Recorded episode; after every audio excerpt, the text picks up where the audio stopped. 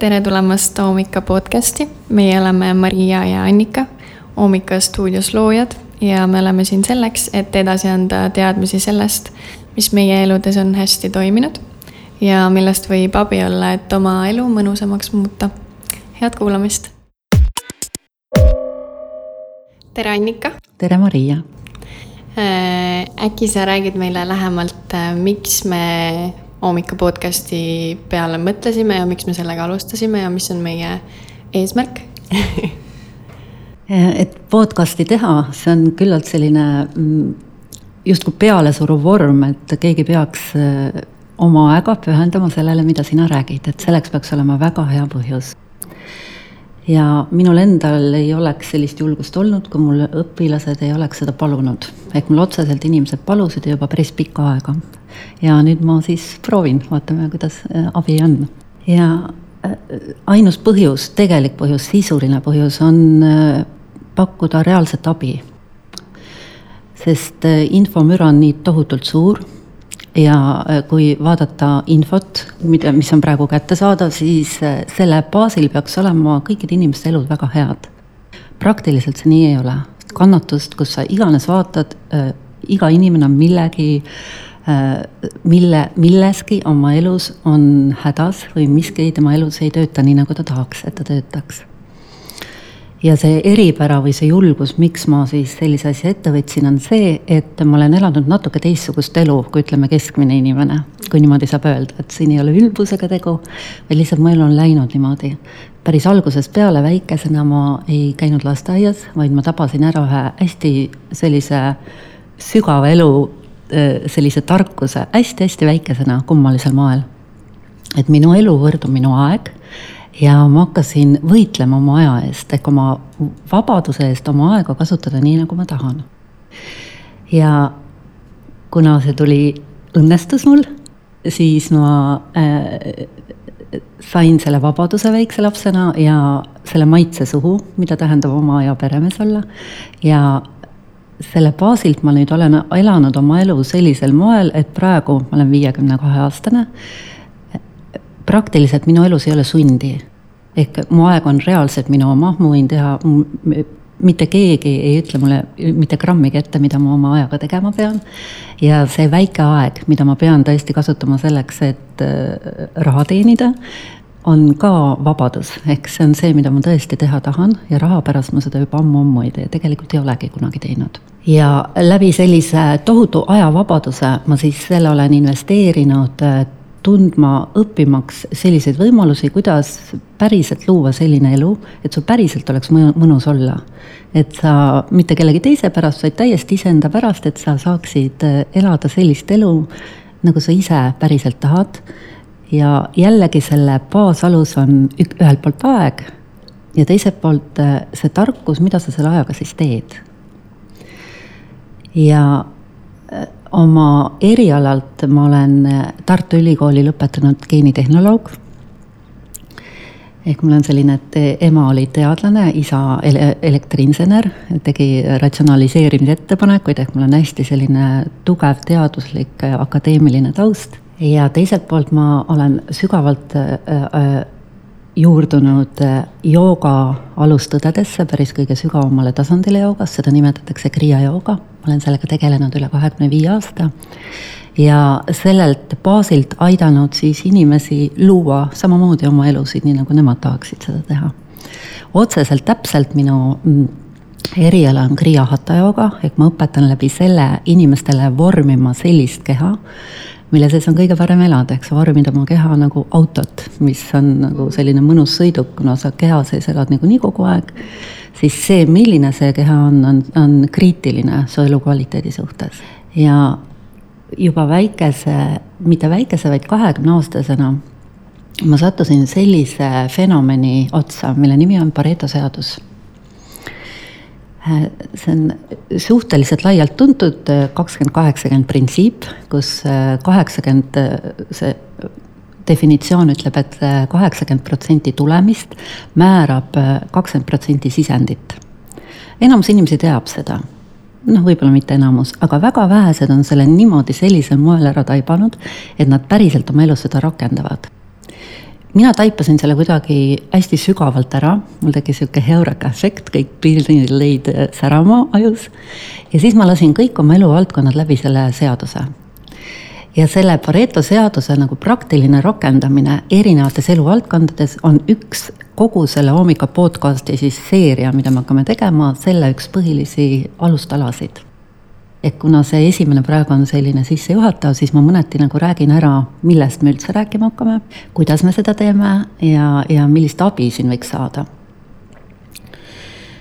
ehk nagu ma juba ütlesin, et kuna mu taust on ühelt poolt sügavalt akadeemiline ja teiselt poolt äh, joogalik, siis äh, otseselt ei ole ühtegi piirangut. eks siin ei pea olema ei joogi, ei teadlane eks need, need teadmised, milleni ma olen jõudnud, on absoluutselt üldinimlikud. ehk abi saab siis vastavalt sellele teemale, mida me parasjagu käsitleme, sisuliselt iga inimene, sellepärast et sõltumata sellest, mida ta usub oma elus või sõltumata sellest, milline haridus tal on või sõltumata sellest, kus keskkonnas ta kasvanud on inimese sisemaailm ja need seadused, millele inimese elud alluvad, on täpselt identsed ja väga mõistlik on nagu hästi sügavalt äh, välja peilida või aru saada kõige kriitilisematest asjadest, mis elu äh, päriselt mõjutavad. ehk äh, kui me nüüd tuleme selle Pareto seaduse juurde tagasi, siis on mingid sellised ähm, hästi olulised detailid, kui sa neid tundma õppides, mida tundma õppides, sa saad oma elu plahvatuslikult paremaks muuta ja vastupidi, kui sa mingid olulised detailid jätad äh, äh, lohakile või ei võta nagu, ei viitsi neid tundma õppida, siis äh, su elu võib olla üleni väga hästi disainitud, aga kui sa üks sihuke nagu sihuke kuradike jääb sinna sisse, üks sinepiseeme või üks mürgitükike nagu, mis selle asja ära rikub, siis kogu see sinu hästi disainitud elu sisuliselt tõmmatakse vesi peale. eks sa ei saa seda nautida enam sellisel moel see on selle Pareto seaduse sisu. ja, ja siis äh, kogu selle podcast'ide jada ma olengi äh, mõelnud niimoodi teha, et me alustame sellistest valdkondadest elus, mis, mis kõnetab enamus inimesi ja mis on just need väikesed sinepiseemned, mis paljude inimeste elu totaalselt ära rikuvad. näiteks ärevus, millest me, millest me tänase podcast'i teeme siis äh, hästi levinud sellised on, on ülekaal, arusaamine, kuidas sa sööma pead, kuidas sa enda keha juhtima pead. üks kõige hullemaid, kõige nagu sügavamaid arusaamatusi on äh, teadmine emotsioonidest, ehk inimestel puudub äh, väga suures ulatuses, lõviosas ulatuses inimestes puudub oskus oma emotsioonidega hakkama saada kahjuks. ja kui sa vaatad, kui suur osa su elukvaliteedist määravad emotsioonid, siis see on praktiliselt absoluutne. kui sa hästi sügavalt nagu ära taipad, et sinu elukvaliteet võrdub emotsionaalsus, siis eh, see, kui sa võtaksid natuke rohkem oma aega ja panustaksid sellele näiteks, kuidas oma emotsioonidega hakkama saada, see tekitaks hüppelise kasvu kogu sinu elukvaliteedis. see on seal Pareto seaduse nagu selline praktiline point siis millega me eraldi tegeleme, on unetus, mis on hästi-hästi levinud. ehk ma need kõik need teemad ma olen võtnud äh, äh, oma õpilastelt ühelt poolt, millega minu juurde on pöördutud, mille, milliste probleemidega. ja lisaks rühmatundidele ma annan ka individuaalnõustamisi ja läbi kogu selle kahekümne viie aasta, kus ma olen inimestega tegelenud, siis need probleemid on paraku ühed ja samad, nad korduvad, korduvad ja korduvad läbi nende aastakümnete korduvad endiselt, kuigi info nagu kättesaadavus on ju täiesti absoluutne, ei ole põhjendust, miks sul peaks olema mingi probleem, sest lahendused vedelevad sõna otseses mõttes ümberringi. aga paraku inimesel ei ole kas sellist aega, et nagu või, või sellist taiplikkust või arusaamist elust kui üldiselt, üldisest protsessist ja sellest, et eh, ainult sina määrad oma elukvaliteedi ise mitte keegi teine ei saa seda paremaks teha. ja paraku praktiline kõige suurem mure on see, et see argipäev on lihtsalt nii nõudlik, et ta lihtsalt sööb su aja ära. eks sul ei ole sellist privileegi, nagu minul on olnud, kus ma olen selle detaili võtnud eraldi, eraldi vaatluse alla. ja, ja lihtsalt ei ole aega süveneda, see ongi nii lihtne ja, ja nende podcast'ide siis see praktiline point on anda esialgu alguses esimeste puhul sellised hästi lihtsad toimivad vahendid, mida saavad kasutada absoluutselt kõik inimesed ja mis toovad kohe kergendust mingis osas. lahendused probleemidele põhimõtteliselt on kahte moodi, ühed on sellised, mis annavad hetkelist leevendust, et probleem nagu taandub. Ja esialgu on väga mõistlik kasutada neid, need on tavaliselt sellised lahendused, mida, milleks sa põhimõtteliselt nii, kui sa selle lahenduse teada saad, nii sa saad kohe kasutada. teine lahenduste nagu pakett on sellised, kus sa saad selle probleemi täiesti lõplikult välja juurida oma elust. Paraku sellised lahendused nõuavad natuke rohkem sinult nagu panustamist, et sa natuke rohkem õpid ära, kuidas see käib. Ja kuna mul on nii palju aega olnud, siis ma olen, äh, ma olen äh, õppinud mõlemaid teid. Ja siis vastavalt sellele, kuidas, kuidas huvi on selle teadmise vastu, siis vastavalt sellele ma võin jagada.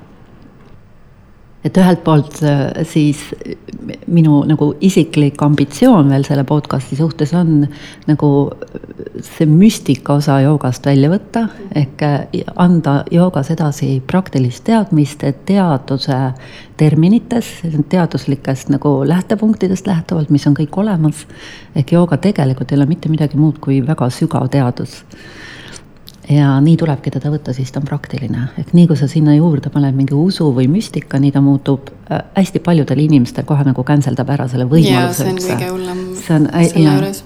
et nii kui sa tood mingi jumala sõna sinna sisse või, või või universumi sõna kasvõi yeah., mõnel tekib kohe selline vastureaktsioon, et ta ette. tekib plokk, just nimelt tuleb plokk ette ja kohe on, tegelikult sa viskad nagu selle lapse koos pesuveega välja. ja seda ei ole üldse vaja et, et, et mõneti nagu see jooga update ida nagu päriselt tagasi tuua see võimaluste väli, mis tekib, kui sa, kui sa õpid seda sügavalt tundma. väga hea aitäh väga sisuka sissejuhatuse eest hommika podcast'i sissejuhatus läks natukene, natukene pikaks. siis ühe, ühe, ühest asjast lähtuvalt veel, millest me selle kogu mm, äh, kogu ürituse siis edasi teeme, on selline mõiste nagu mugavustsoon ehk mugavustsoon on jälle midagi, mis kõnetab absoluutselt iga inimest. sisuliselt inimene elabki mugavustsoonides, aga tihtipeale me ei oska seda vaadata sellisel moel, kui kui ruineeriv ta on nagu tuleviku seisukohalt või arengu seisukohalt. ja see on selline teema, mis on sügav ja pikk, mis nõuab täiesti eraldi episoodi. aga absoluutselt iga detail, mis su elus ei ole selline, mille tulemusena sul ei ole see elu mõnus ja turvaline, et sul ei ole kindel ja hea olla, tegelikult tähendab seda, et sa elad mugavustsoonis mingis ebamugavuses ehk ebamugavusest on saanud mugavustsoon. et see nagu sellisel moel äh, ümber sõnastada, siis sul tekib natuke teine võimalus asju lahendada. ehk õppida tulla mugavustsoonidest välja eeskätt nendes osades, kus see mugavustsoon on noh, kõlab hullusti nagu tappev, ehk ta tapab sinu elu selle rõõmu osa ära. ja viimane asi siis sissejuhatuse lõpetuseks.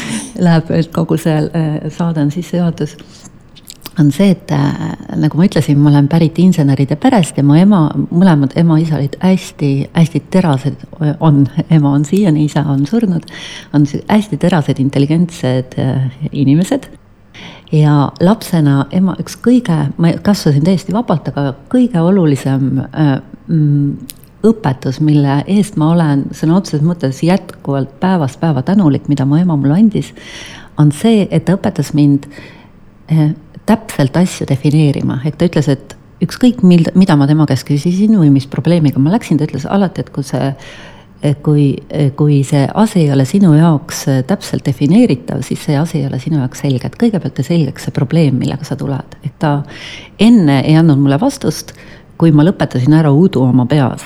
jauramise. jauramise, jah. ja oh imet, siis ma hakkasin avastama, et nii kui see asi sai probleemina mulle selgeks, ehk nii kui ma õppisin seda defineerima, ehk ma ütlesin korrektse sõnastuse nii juba iseenesest tekkis äh, lahendus või mingi osa lahendusest või mingi asi selgines, et see probleemi, see kannatust tekitav osa juba kadus ära. ehk mõned asjad on nagu lapsepõlvest äh, tulnud, et äh, on hea, kui mõned detailid tulevad sulle niimoodi elu kaasa. Need on need, need, need baasid siis, millest lähtuvalt me saame seda asja edendada siin kõike. super, aga äkki me läheme tänase teema juurde konkreetselt siis täna ma arvasin, et äh, võiks äh, esimeseks teemaks võtta midagi, mis kõnetab hästi paljusid inimesi et praktiliselt minu praktikumis ei ole olnud inimest, kes tuleks minu juurde mingi probleemiga ja kellel selle probleemi nagu kaasnähtust ei oleks, kaasnähtusena ei oleks ärevust. ehk ärevus on ühelt poolt on nagu omaette probleem ja teiselt poolt ta on kõikide probleemide, mis iganes sul elus ei tööta, kaasnähtus. et iga asi, mida sa, millega sa elus hakkama ei saa, tekitab ärevuse seisundit mõneti võib öelda, et ärevus on üks nagu noh, üks, üks kõige hullemaid või kõige levinumaid probleeme üldse. Et see on nagu selline liivatera, mis on su süsteemides, mis hõõrub su süsteemi ja jällegi, et ükskõik kui ilusaks sa oma elu oled disaininud, kui sul on see liivatera seal sees, siis ta põhimõtteliselt rikub su elu nagu selle äh, elu rõõmu suhtes ära. kui sa oled ikkagi ärev, siis noh ole kui, ole kui ilus ja rikas tahes, sa ei tunne sellest nagu nii suurt rõõmu, kui sa võid tunda, et äh, ei ole mõistlik. Etteruttavalt nagu äh, inspiratsiooniks või selliseks äh, intrigeerivalt ma võin ette öelda, et ärevust on võimalik äh, maha võtta juurelt ja kiiresti.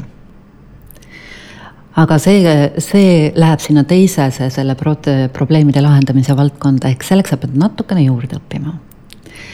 Et ma eelmisel aastal läbisin teadliku muutuse kunsti TMK õpetajate sellise pika kursuse, et ma eraldi, mul on nüüd litsents, et ma võin õpetada, kuidas vabastada emotsioone. et kui inimene võtab ette sellise õppe, siis ta põhimõtteliselt kahe päevaga saab endale täispaketi sellist sügavat tummisteadmist, kuidas kogu oma elus saada täielikult välja ärevuse seisund ja mitte ainult ärevuse, vaid kõik negatiivsed emotsioonid eks see on nüüd lähtuvalt sellest Pareto seadusest, on midagi sellist nagu Pareto seaduse võimendus.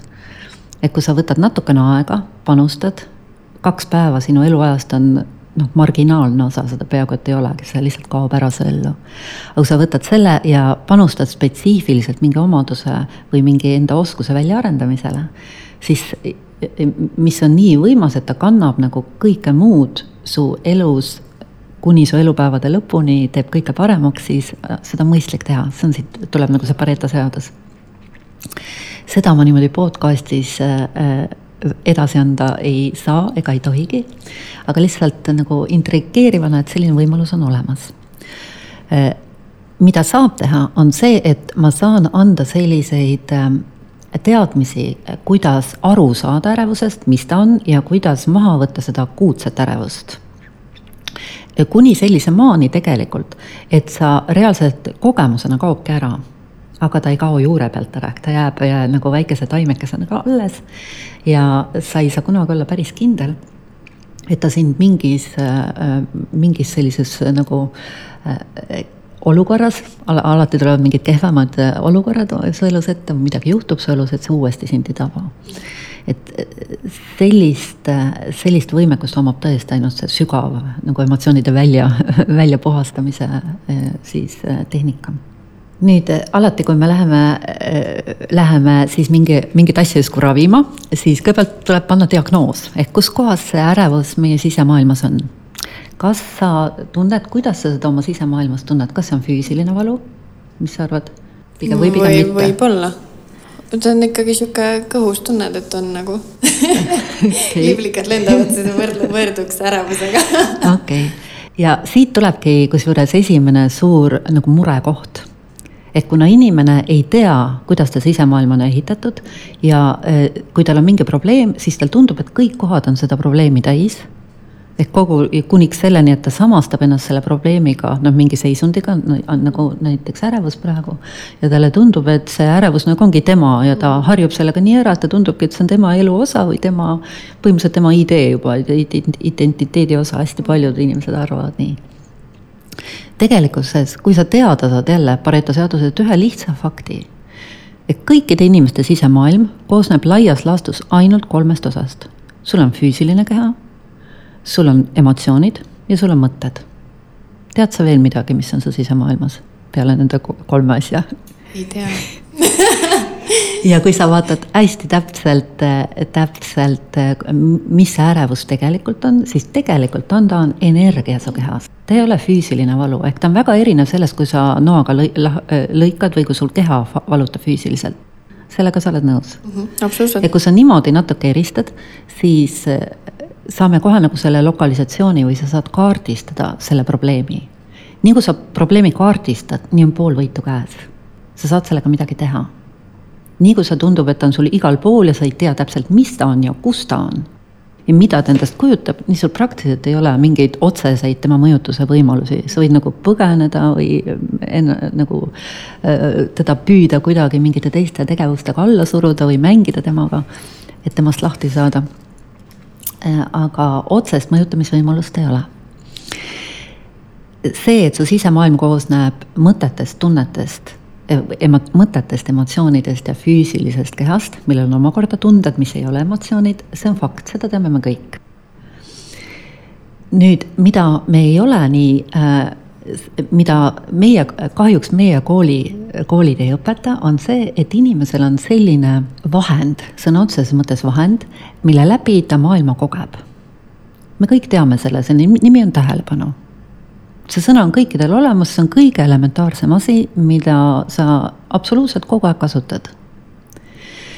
kui sa võtad selle oma võime, selle tähelepanuvõime eraldi vaatluse alla, siis sa võid avastada sellise tõsiasja, et sa koged ainult seda ja ainult ja alati, kus on sinu tähelepanu, mitte kunagi midagi muud oled sa nõus minuga? täiega. et või kas sa saad kogeda, ehk kui sa küsid endalt, kas sa saad kogeda midagi, kus su tähelepanu ei ole, siis see ei ole võimalik.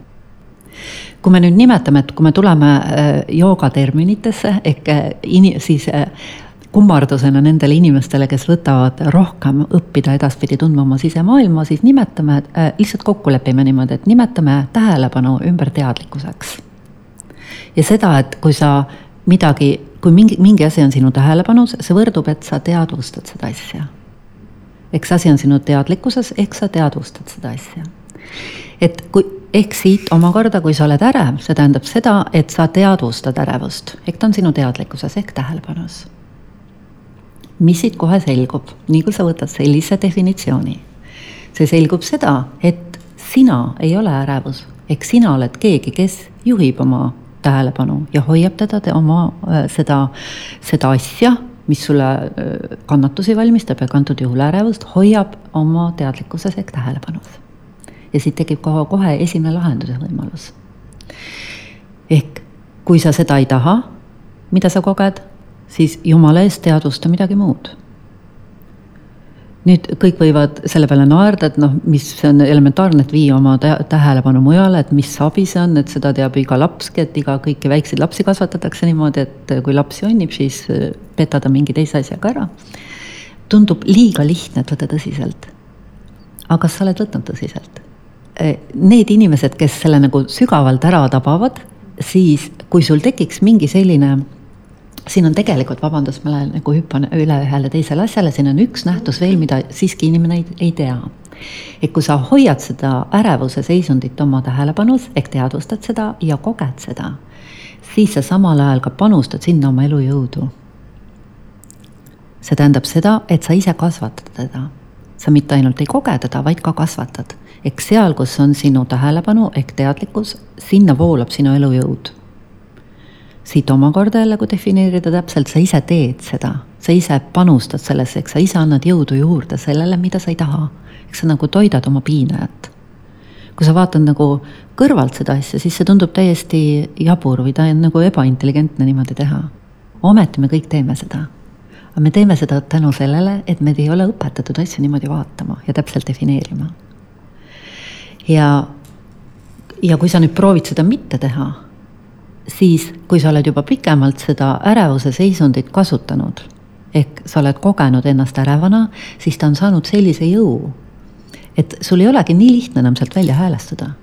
isegi kui sa tead seda, seda nagu justkui magnetiga tõmbab enna tagasi endasse ja sul tekib mulje, et ta jõuga hoiab sind kinni. ja nüüd, et saada abi nendest tehnikatest, mida ma pakun või nendest praktikatest, peab omaks võtma, lihtsalt omaks võtma sellise fakti, et mitte ühelgi energial, mitte ühelgi negatiivsel emotsioonil ega kannatust tekitaval asjal siis sinu sisemaailmas tegelikult ei ole jõudu sinus, sellest tähelepanust kinni hoida. ehk alati sina ise viid tähelepanu sinna. see on nüüd selline koht, kus peab natukene nagu, natuke mediteerima sellel, eks see omaks võtma. ehk ükski eh, asi tegelikult ei võta ära sinult jõudu või vabadust valida sa saad tegelikult alati valida oma teadlikkust juhtida kuhugi mujale. ehk inimesel on, see on see valikuvabadus, mis inimesel on alati alles jäetud. aga seda valikuvabadust inimene ei oska kasutada. ja tihti tal ei ole jõudu seda kasutada ja seda jõudu, seda kasutada nimetatakse tahteks. ehk tahe on see jõud, mis hoiab teadlikkust selles kohas, äh, kus, äh, kus sa ise valita panna. ja nüüd äh, kõige esimene siis e, podcast'i siis see kolmas episood, kus me teeme meditatsiooni pikema, natuke pikema meditatsiooni selle ärevusest väljasaamiseks. selle üks põhipoint ongi selles, et me nagu petame selle ärevuse ära niimoodi, et me anname teadlikkusele tööd, tööd ja tööd, detail detaili kaupa, rahustame oma sisemaailma niimoodi maha, et sul tekib puhkus, et sa nagu võtad puhkuse sellest ärevuse seisundist ja see ei ole mitte enesepettus, vaid sisuliselt sa tegelikult lõpetad oma jõu panustamine ja see ärevuse seisund hakkab kokku kukkuma. see on nagu sa võtad, hästi sarnane sellele, kui sa võtad, ei kasta lille enam ja ta lihtsalt kuivab kokku. ja kui sa piisavalt pikalt oled seal, siis ta tegelikult kuivab täiesti ära. ehk tegelikult sellest, sellest teisest episoodist nüüd või kolmandast, mis me siin teeme äh,, nimetame matreika või hamsa tehnikaks seda.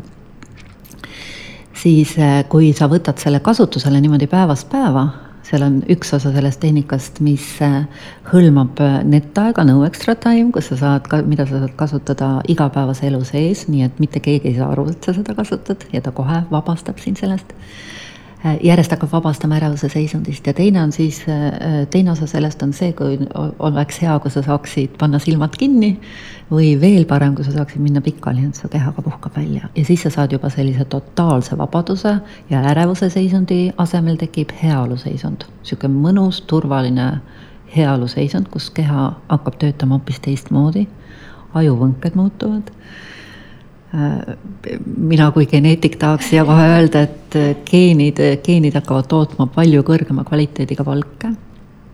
et sellest ma muidugi, kuna ma, ma ei saa üle ega ümber sellest, et mul on geneetikaharidus, siis ma nii väga tahaksin teha ühe podcast'i episoodi spetsiifiliselt nagu selle baasilt. stressireaktsioon ja geneetika, kuidas see omavahel on seotud. ehk äh, kui inimene nagu puust ja punaseks tehakse talle selgeks, mida teeb pikalt üleval hoidud, hoitud ärevuse seisund ehk stressireaktsioon. mida ta tegelikult kehaga teeb. siis noh, inimesel tekib nagu see äh, ühelt poolt arusaamine ja teiselt poolt see, see jõupositsioon, kus ta tahab, kus tal tõsiselt tahab seda leverage on see taset kui kuidagi. jah, selline, mul ei tule see hea sõna praegu siin meelde, et, et ta nagu ei saa enam teisiti. ehk mingist hetkest selles mõttes see on tea-, see on teadmiste vägi. et kui sul on piisavalt palju ja täpseid teadmisi selle kohta, mida sa teed, antud juhul, kuidas sa lõhud ennast läbi ärevuse, siis mingil hetkel tekib selline jõupunkt, et sa saad aru, et sa ei saa enam niimoodi elada et see ei ole mitte enam valik, et kas sa tahad või ei taha, aga sa lihtsalt teed kõik selleks, et sa asi lõpetada oma elus. ja tegelikult hommikul podcast on just selle koha täitmiseks. et ma annan, see ei ole mitte hirmutav, vaid vastupidi. ehk ta annaks inimesele jõupunkti, et ta, et tal tekiks see pivot punkt see, et ta, ta hüppab sellest oma harjumuspärasest mugavustsoonist, harjumuspärasest kannatusest välja, teeb tillukese pingutuse, et ümber õppida mingi tilluke osa, seda ei ole kunagi liiga palju. ja ta on tegelikult alati vähem jõukulukas kui see, et sa, et sa jätkad selles ärevuse seisundis, mis tegelikult kohutavalt võtab jõudu ja rikub su elu. et see lihtsalt ei ole mõistlik, et ei ole nagu, ütleme, talupojakultuurist lähtuvalt ei ole nagu talupojatarkusest lähtuvalt äh, arukas teha. et, äh, et nagu inimlikult lihtsalt ja, ja, ja mõistlikult, kuidas väljuda sellest muidu sul on kogu aeg nagu mingi errori, sa oled, mingi häire on peal kogu aeg. ehk nagu gaasipidur on korraga põhjas ja noh, kuidas, kuidas sa läbi elu käid niimoodi. ja nüüd võin, võib, tahad sa, on siiamaani aru saada või tahad sa ise küsida midagi um...? me teeme podcast'i Mariaga, Maria on kahekümne viie aastane sellisel hetkel, mina olen viiskümmend kaks, et, et sellepärast on hea, et ma niimoodi kontrollin, et kas on see, mida ma räägin, on arusaadav ka noorematele ja kas see nagu kõnetab, et kas see probleem on ka nendele.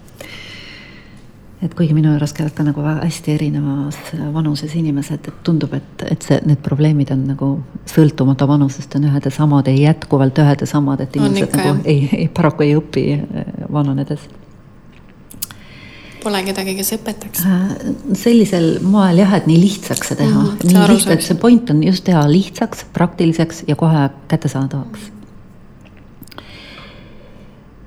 Äh, ja nüüd siis võib-olla lähekski selle esimese praktika juurde äkki. Äh, aga enne seda, kui ma, kui me läheme konkreetselt selle praktika juurde, ma ütlen ühe sellise hästi olulise asja, mida, mille peab lihtsalt omaks võtma. et ükski probleem ei ole lahendatav samast teadvuse seisundist, mis ta lõi või mille, mida sa, milles sa oled siis, kui sa seda koged. ehk see on üks Einsteini öeldud lause ja see absoluutselt kehtib inimkeeli öelduna on see see, et kui sa juurled mingi probleemi kallal selle probleemiga kaasnevaid emotsioone kogedes, siis sa tegelikult teed selle probleemi hullemaks eks sa kaevad ennast järjest hullemini sinna sisse. ja sellepärast alati siin on, tekib, on selline esimese sammu seadus, mis siis ükskõik, mis probleem sul iganes on, on kehtivad alati teatud nagu äh,, nagu need esimesed sammud on alati samad. on äh, tule, vaata nagu astu probleemist, astu samm tagasi. esimene samm on mitte samm edasi, vaid astu samm tagasi. astu samm tagasi ja vaata seda eemal olevat ehk siitpoolt nagu enda poolt tavara, et sina oled siin, probleem sinu suhtes on kuskil kehas või väljaspool sinu keha ja teid ühendab see teadlikkus ehk tähelepanu. ja sellist vaadet nimetatakse metatasandi vaateks teaduses, joogas nimetatakse seda teadvele tulekuks. eks sa ei tunne, ei koge ennast probleemile, vaid sa nagu tabad ära, et sa tegelikult oled eraldi sa mitte vägisi, siin tuleb veel kord, ma ei väsi rõhutamast, et sa ei, see, siin ei ole midagi vägivaldset ega tehtut vaid sa avastad, et sa tegelikult oledki eraldi. sa lihtsalt tood selle rohkem lauale. eks see, mis oli taustal ja teadvustamata, sa tood selle esiplaanile. võib-olla natuke keeruline mõista, aga kui me hakkame seda tegema, siis ta on mõistetav ja siis, keda intrigeeris piisavalt, siis ma soovitan mm, kuulata siis meie järgmist kahte episoodi. Äh, episood number kaks on nüüd tõesti inimesele tänavalt, isegi siis kasutatav, kui ta ei ole seda sissejuhatust kuulanud. ja äh, ma õpetan ära sellise võtte, kuidas süvalõdvestada pea erinevaid lihaseid. ehk me lähtume, iga probleemi saab lahendada siis vastavalt sellele, kui sa oled mm, äh, vastavalt sellele nagu tasandile igas, eh, kuna inimese sees on kolm erinevat tasandit, mida meie eh, kool õpetab, ehk igat probleemi saab eh, igast erinevast tasandist lähtuvalt saab mingi praktika anda.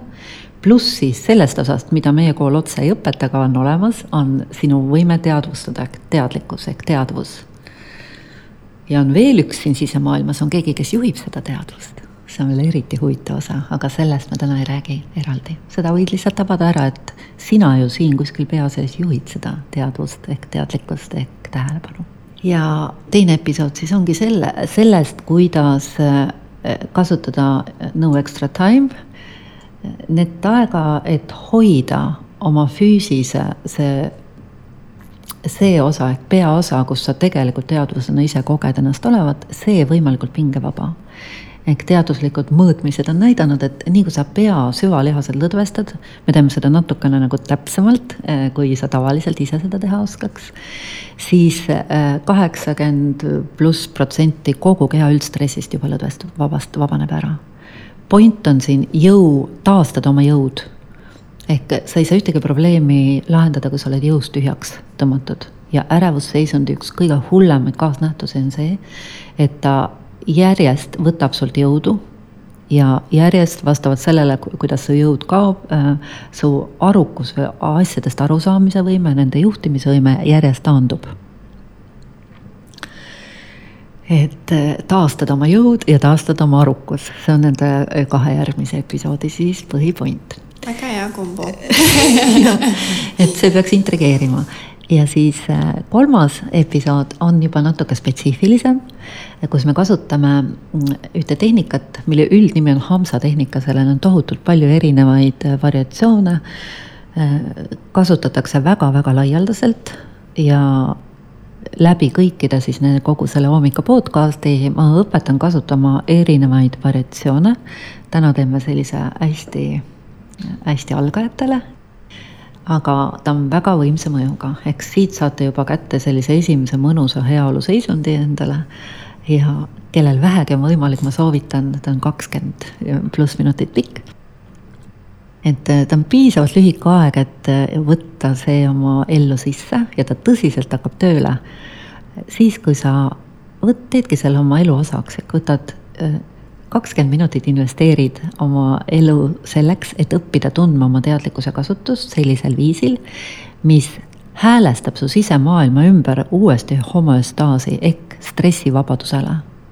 ja see jõu juurdevool, mis hakkab tekkima, see heaolutunne ja järjest, ta hakkab nagu järjest, ähm, keha hakkab aru saama, mida sa tahad teha.